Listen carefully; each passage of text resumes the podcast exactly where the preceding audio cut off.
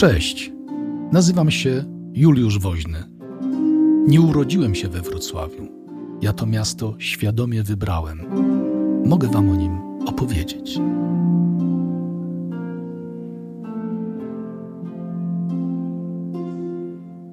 Kto był agentem 07 Bolesława Krzywoustego? Jego człowiekiem do zadań specjalnych, facetem, który 500 lat przed Kmicicem we wczesnym średniowieczu robił akcje w prawdziwie sienkiewiczowskim stylu. Piotr Wostowic, odważny do szaleństwa, inteligentny i obrzydliwie bogaty. Wspaniały rycerz, walczył w niejednej bitwie, co ja mówię, wygrywał w niejednej bitwie, ale świetnie znał się też na polityce. Kochał piękne kobiety, miał szczęście w miłości. Ale też kobieta była przyczyną jego upadku.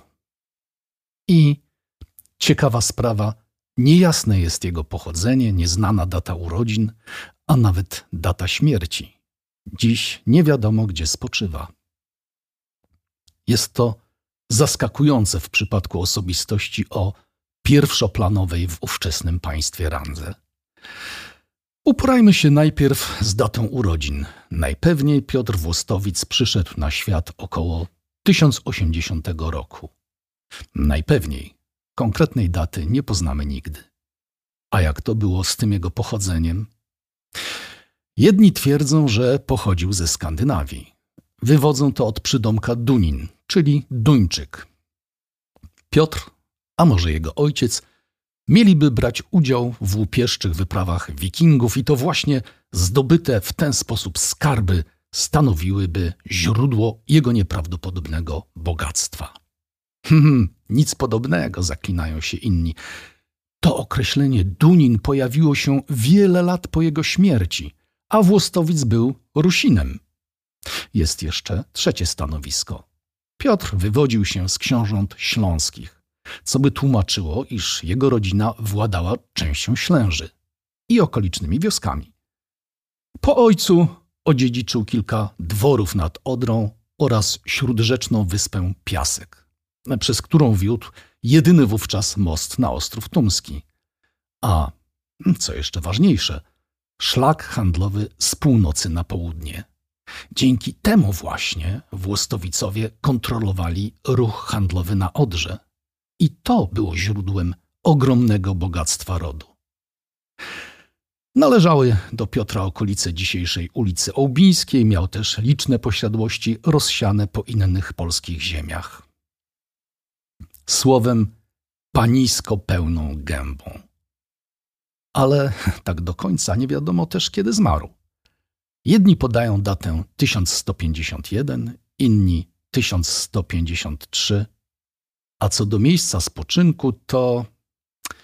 Ale nie uprzedzajmy faktów. W każdym razie sławny, bogaty, a tyle niewiadomych. Piotr zrobił błyskotliwą karierę na dworze Bolesława III Krzywoustego. Kiedy polski władca w roku 1122 wyruszył na wyprawę na Pomorze, od wschodu na polskie tereny wkroczył przemyski książę Wołodar. Dla Bolesława był to duży problem, no bo tu rozgrzebana jedna wojna, a na głębokim zapleczu frontu bezczelny dywersant poczyna sobie w najlepsze. I wtedy Piotr wystąpił z ciekawą propozycją. E, sądzę, że było to podczas sutej kolacji w namiocie księcia. Bolko z doradcami biedzili się, co zrobić z tym nieszczęsnym wołodarem. Podzielić wojsko i wysłać kilka oddziałów na wschód? No dobrze, ale czy tak osłabiona armia upora się z Pomorzanami? Zakończyć najpierw konflikt na północy, a potem wyruszyć z odwetem na Wołodara? No nie za bardzo, bo typ może w tym czasie opanować kawał Bolesławowego księstwa. Tak źle i tak niedobrze. I wtedy Piotr oświadczył, że uda się do Wołodara osobiście i odniesie nad nim bezkrwawe zwycięstwo a do tego nie potrzebuje żadnego wojska. Zabierze jedynie kilku swoich najwierniejszych towarzyszy, swoją ekipę. Pewnie towarzystwo ryknęło śmiechem, a Bolko warknął. Stary, Wiemy, że jesteś kozak, ale my tu o poważnych sprawach, a tobie żarty w głowie. Chłopaki, temu panu już nie lejemy. Tak, odparował Pietrek. To potrzymaj mi piwo.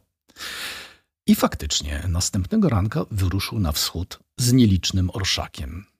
Pewnie wszyscy sądzili, że widzą go po raz ostatni. Tymczasem Włostowic podczas podróży rozgłaszał, że oto książę go wygnał.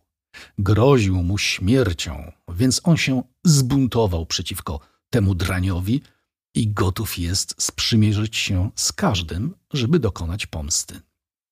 Gdy dotarł do Przemyśla, Wołodar powitał go z otwartymi ramionami. Sprzymierzeniec, nie tylko bogaty, ale też znający sekrety największego wroga.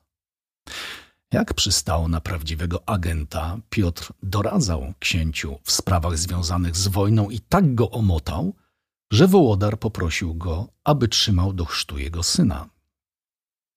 Spędzili razem nie jeden wieczór, ucztując i popijając wino z książęcej piwniczki. Piotr był uroczym i dowcipnym kompanem. Towarzyszył księciu w licznych polowaniach. Podczas jednego z nich Wołodar zapędził się w leśne ostępy. Ścigał grubego zwierza tak zawzięcie, iż nie zwrócił uwagi, że otaczają go tylko ludzie Włostowica. Na to tylko czekał cwany Pietrek. Pojmał nieszczęsnego Wołodara i spętanego przyprowadził przed oblicze krzywoustego. Brzmi znajomo? no jasne. Sądzę, że relacje z porwania Wołodara musiał znać Sienkiewicz, kiedy opisywał, jak Kmicic uprowadził Radziwiła. Krzywousty dzięki Piotrowi upiegł dwie, co ja mówię, trzy pieczenie na jednym ogniu. Wołodar przestał zagrażać granicom państwa. Księstwo przemyskie musiało zapłacić ogromny okup za wolność swojego władcy, który nie dość, że zaprzysiągł ze swymi bojarami wieczysty pokój z Polską, to jeszcze ogłosił antyprzymierze z Pomorzanami. Yy, właściwie wyszło, że cztery pieczenie. W każdym razie Piotr i Bolko stali się prawdziwymi kumplami, towarzyszami broni. Zaliczyli niejedną zwycięską wyprawę. Ale każdej beczce miodu znajdziemy łyżkę dziegciu. Krzywousty w spokoju konsumował owoce podstępu cwanego Pietrka. Włostowica spotkała jednak krytyka ze strony kościoła. Co prawda nie wziął grosza z okupu Wołodara. Nie musiał, bo Krzywousty nagrodził go kasztelanią skrzyńską. Zdaje się też, że właśnie wtedy Włostowic został wojewodą. Uznano jednak, że numer z Wołodarem to nie był rycerski czyn, że było tam krzywoprzysięstwo, zdrada, brzydkie grzechy. To były czasy, kiedy ostracyzm miał znaczenie. Był bronią o realnym wymiarze. W tej sytuacji Wostowic postanowił dokonać spektakularnej pokuty i ponoć ufundował 77 kościołów. Od jego przydomka zwano je Duninowymi. I tak płynnie przechodzimy do Włostowica w roli mecenasa sztuki. Ponieważ nie był chudopachołkiem, stać go było na działanie z rozmachem. Ufundował kościół świętego Idziego, kościół świętego Marcina, klasztor Augustianów na Ślęży. Chciał w ten sposób zwalczać pogańskie kulty, które nadal tam się pleniły. Na wspomnianej przeze mnie Wyspie Piaskowej kazał wznieść kościół Najświętszej Marii Panny na piasku. A zaraz, zaraz, zaraz. Wyspa Piaskowa. Skąd ta nazwa? Nazwa wyspy Piaskowa z niemiecka Sandinsel wywodzi się od wezwania kaplicy w Padwie, Najświętszej Marii Panny na piasku po łacinie Santa Maria in Arena. Tam, gdzie zbudowano padewską kaplicę, wcześniej znajdował się cyrk rzymski. Być może właśnie stamtąd Wóstowic sprowadził duchownych, którzy objęli w posiadanie kościół. Do tego kościoła na piasku jeszcze wrócimy. E, w każdym razie najważniejszą z jego fundacji pozostaje opactwo na Ołbinie. Przypomnę, Upływa zaledwie 200 lat od przyjęcia chrztu przez Polskę, a we Wrocławiu powstaje potężne opactwo, największe w tej części Europy. Trzy kościoły. Główny kościół miał bok o długości 55 metrów. 48 sklepionych budynków, 7 dziedzińców. Potęga. Budowle pokrywały wspaniałe rzeźby. Wszystko było w najlepszym gatunku. No cóż, kogo jak kogo, ale cwanego Pietrka było stać. Pora zająć się kobietami w życiu średniowiecznego agenta. James Bond cenił towarzystwo pięknych pań, nie inaczej było z przebiegłym Piotrem. Gdy zmarła pierwsza żona Krzywoustego, Zbysława Światopełkówna, Bolko postanowił ożenić się z jej siostrą, Marią. Wysłał w swaty swojego przyjaciela, któremu mógł zaufać, Piotra. Wyobraźmy sobie piękny orszak rycerzy odzianych w urczyste szaty, podróż przez zielone lasy, bory, biwaki pod rozgwieżdżonym niebem przy ognisku. Piotr jest dojrzałym, przystojnym mężczyzną. Tych kilka siwych włosów w kruczoczarnej brodzie robi wrażenie na kobietach. O jego sprycie i odwadze oraz bogactwie krążą legendy. Maria jest piękną, młodą dziewczyną, znakomicie wykształconą, o nienagannych manierach. Czy można się dziwić, że podczas tej romantycznej podróży między wojewodą i piękną córką Olega Michała zaiskrzyło? Piotr i Maria przybyli na dwór księcia Bolesława, zakochani po uszy. Bolko i Pietrek musieli być prawdziwymi kumplami, skoro ten pierwszy wybaczył temu drugiemu taką, mówiąc delikatnie, nielojalność. Tym razem skończyło się happy endem, a Maria i Piotr kochali się do grobowej deski. Tymczasem książę Bolko zmarł. Jak wiadomo, krzywousty, chcąc uniknąć bratobójczej walki wśród swoich synów, ogłosił testament, który miał uładzić ich wzajemne relacje. Niewiele to dało, bo oczywiście książęta szybko skoczyli sobie do gardeł. Najstarszy Wacław II, będący seniorem, postanowił odsunąć od władzy młodszych przyrodnich braci, a w każdym razie podporządkować ich sobie znacznie bardziej, niż to założył ich ojciec. Walka między krewnymi to spora część historii średniowiecza. Pod tym względem słynny serial Gra o Tron nie mija się z prawdą. Włostowic był jednym z tych, którym umierający krzywousty powierzył pieczę nad wykonaniem testamentu. Początkowo jednak nie było tak źle. Wydawało się, że były szanse na uładzenie sytuacji. W każdym razie tak wydawało się Piotrowi. Razu pewnego Władysław w towarzystwie Piotra wybrał się na łowy na stokach Góry Ślęży. Jak to na polowaniu bywa, obaj zapędzili się za zwierzyną, oddalili się od reszty drużyny.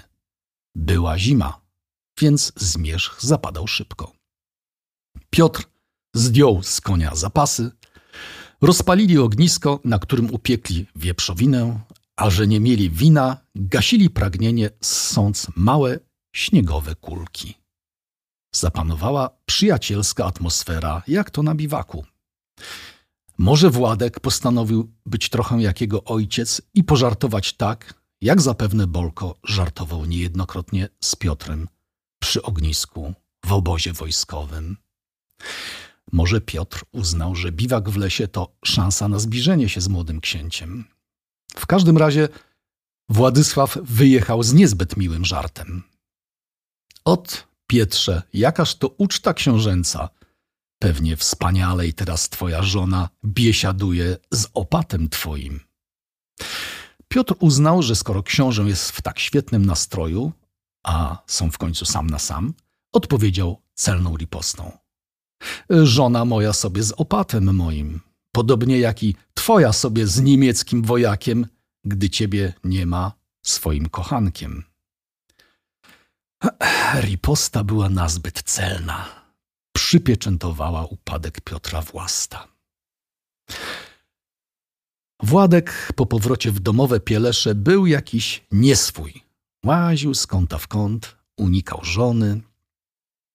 Przebiegła Agnieszka, szybko jednak wydobyła z Władka przyczynę jego złego humoru. Szlochami i łzami szybko przekonała pantoflarza o swojej niewinności. Piotr nie wiedział, że zranił tygrysicę. Podstępną i bezwzględną. Agnieszka zaprzysięgła mu w duszy śmierć. Kilka dni po rozmowie z mężem poczuła się chora, była smutna, e, milcząca. Oczywiście Władek z troską wypytywał o przyczynę smutku i choroby. Rozpoczęły się jęki i narzekania. Ach, czemuż ja przyszłam do tej waszej nędzniutkiej ziemi? Ach, po cóż rodzice dali mnie ociężałemu mężowi? Czemuż poślubili mnie gnuśnemu Polakowi, e, jakbym ja była zrodzona z niskiej krwi? Wszyscy cię mają za nic, wojaczką się nie bawisz, doprawdy wydajesz się bojaźliwszym od niewiasty. Wrogom swoim wszędzie odpuszczasz i radujesz się, gdy z pełnymi kielichami witają cię wrogowie twoi. Tak zanotował średniowieczny kronikarz Wincenty Kadłubek. Nasz mistrz Wincenty do kobiet miał stosunek nieufny, a Agnieszka była w dodatku Niemką. Niemek zaś mistrz Wincenty nie trawił, zwłaszcza w roli żon polskich możnowładców. Raczej tysiąckro, tysiąckroć ugłaskasz piekielne furie Erebu, niż raz jeden przebłagasz srogą niewieścią. Tak pisał. W jego opisie Agnieszka to istna Lady Macbeth, mściwa intrygantka, żąda, żądna władzy i zaszczytów. E, podobnie zresztą przedstawił ją Długosz. To Agnieszka stała za konfliktem. Czy rzeczywiście była tak wredna, jak pokazują ją polscy kronikarze? Z całą pewnością była przekonana o swym niezwykle dostojnym pochodzeniu. Córka austriackiego margrabiego Leopolda III Świętego, wnuczka niemieckiego cesarza Henryka IV, siostra panującego właśnie w Niemczech Konrada III Hohenstaufa. Była na pewno osobą dumną ze swego pochodzenia energiczną i ambitną. Mistrz Wincenty określił ją mianem tygrysicy. Bezwzględnie dążyła do celu, chcąc zawładnąć całym polskim państwem. Ponoć użyła też starego żoninego sposobu, odmawiając księciu wstępu do łoża. Jak tam było, tak tam było. W każdym razie konflikt między synami Krzywoustego narastał, a Piotrka dotknęła zemsta zranionej tygrysicy. Powstaje pytanie, czy żona Piotra nie brała czynnego udziału w konflikcie. Kronikarze o tym nie wspominają. Pamiętajmy jednak, że piękna ruska księżniczka miała także świetne koligacje rodowe. Wywodziła się z ruskiej dynastii Rurykowiczów. Była córką wielkiego, wielkiego księcia kijowskiego, a poprzez matkę spokrewniona była z domem cesarzy bizantyńskich. Jako siostra przyrodnia Zbysławy, pierwszej żony Krzywoustego, była też ciotką Władysława. Była zatem osobą, którą, która mogła nosić głowę wysoko i nosiła. Przyjrzyjmy się tym panonowi z kościoła Najświętszej Marii Panny na Piasku. Mówiłem, że tam jeszcze wrócimy. Pierwotnie znajdował się nad głównym wejściem do świątyni, obecnie po przebudowach zdobi drzwi do zakrystii. Płaskorzeźba ukazuje pośrodku tronującą Marię, która na kolanach trzyma dzieciątko. Po lewej stronie widać Marię Włostowicową, która podaje Matce Bożej model kościoła. Po drugiej stronie kompozycji Świętosław, syn Włostowiców, pokornie osuwa się na kolana przed majestatem Matki Boga. Napis na tym panonie brzmi: Tę świątynię daję Tobie, Matce łaski, Maria Marii. Tę świątynię darowuje Świętosław, moje dziecię. Żona Włostowica nie klęczy przed tronem Najświętszej Marii Panny. Nie ma tu pokory. Kościół ofiarowuje Maria Marii, a nawet Matka Matce. Czy tak dumna kobieta nie mobilizowała Piotra do postawienia się księciu, a zwłaszcza jego żonie? Konflikt z Władysławem skończył się dla Włostowica fatalnie. Mobilizowany przez żonę Władysław Coraz otwarciej występował przeciw braciom, żądał od nich daniny z ziem, które przypadły im w testamencie ojca. Młodsi wystąpili solidarnie przeciw seniorowi. Władysław z Agnieszką postanowili uderzyć w Piotra. Do tego zadania zgłosił się dworzanin niemieckiego pochodzenia, niejaki Dobek. Czyżby to był ten, o którym Piotr z przekąsem wspomniał podczas fatalnego biwaku na stokach Ślęży? W każdym razie Dobek udał się do podwrocławskiej siedziby Piotra z kilkoma zbrojnymi. Piotr ugościł książęcego wysłannika, nie podejrzewając podstępu. Nocą Dobek wraz z pachałkami pojmał bezbronnego Piotra i powlókł go do wrocławskiej siedziby Włody Władysława. Był to dzień triumfu dla Agnieszki. Urągała jeńcowi. Odbierzesz teraz to, na coś zasłużył. Ty, który nagadałeś mojemu małżonkowi ohydnych słów.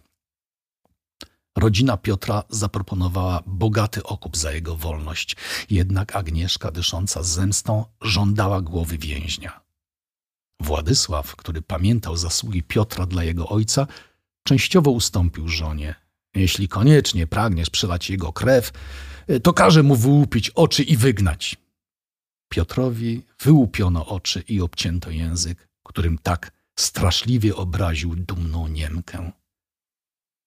Ten czyn skonsolidował opozycję przeciw Władysławowi i ostatecznie po wielu zwrotach akcji książę został zmuszony do opuszczenia ojczyzny, zyskując przydomek wygnaniec. Oczywiście Agnieszka nadal intrygowała, ale nie na wiele się to zdało. W tej sytuacji skazany na banicję Piotr wrócił do swoich włości, a nawet odzyskał godność palatyna. Jednak coraz mniej uwagi poświęcał sprawom doczesnym, dbał przede wszystkim o swoje fundacje kościelne i klasztorne. Zmarł w roku 1151, choć inni twierdzą, że dwa lata później. Włostowicowie spoczęli we wspaniałym marmurowym grobowcu w głównym kościele opactwa ołbińskiego, aby wspólnie czekać na dzień sądu ostatecznego. Niestety, w roku 1529 protestanci władający Wrocławiem postanowili rozebrać opactwo. Pretekstem było rzekome zagrożenie tureckie. Gdyby wróg obległ Wrocław, to w murach opactwa mógłby znaleźć wygodną kwaterę. To była bzdura. Klasztor był przyzwoicie ufortyfikowany, mógł się bronić. Tak naprawdę chodziło o to, że opactwo było katolickie, było ośrodkiem polskości i stanowiło konkurencję gospodarczą dla kupców i rzemieślników wrocławskich. Opactwo bowiem miało przywilej targowy, co było solą w oku Rady Miejskiej Wrocławia. Była to też okazja do skoku na kasę. Potężny klasztor burzono cztery tygodnie.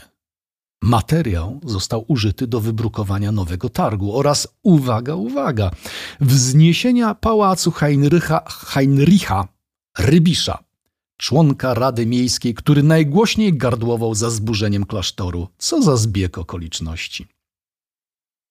Kamienne detale, które odnajdywane były później w murach wielu wrocławskich budowli, niektóre po II wojnie światowej, świadczą o fenomenalnym poziomie artystycznym Piotrowej Fundacji. Choćby taka perełka jak portal ołbiński wmurowany w ścianę protestanckiego wówczas kościoła świętej Marii Magdaleny. Prawdziwe trofeum. W zamieszaniu zaginęła Carmen Mauri, utwór poświęcony tragedii z udziałem Piotra, dziś znany jedynie ze streszczeń, podobnie zresztą jak pozostałe księgi z ołbińskiej biblioteki. Aha, Podczas wielkiego rabowania rozbito nagrobek Piotra i pięknej Marii. Rabusie grali ich czaszkami w kręgle na posadzce zbezczeszczonej świątyni.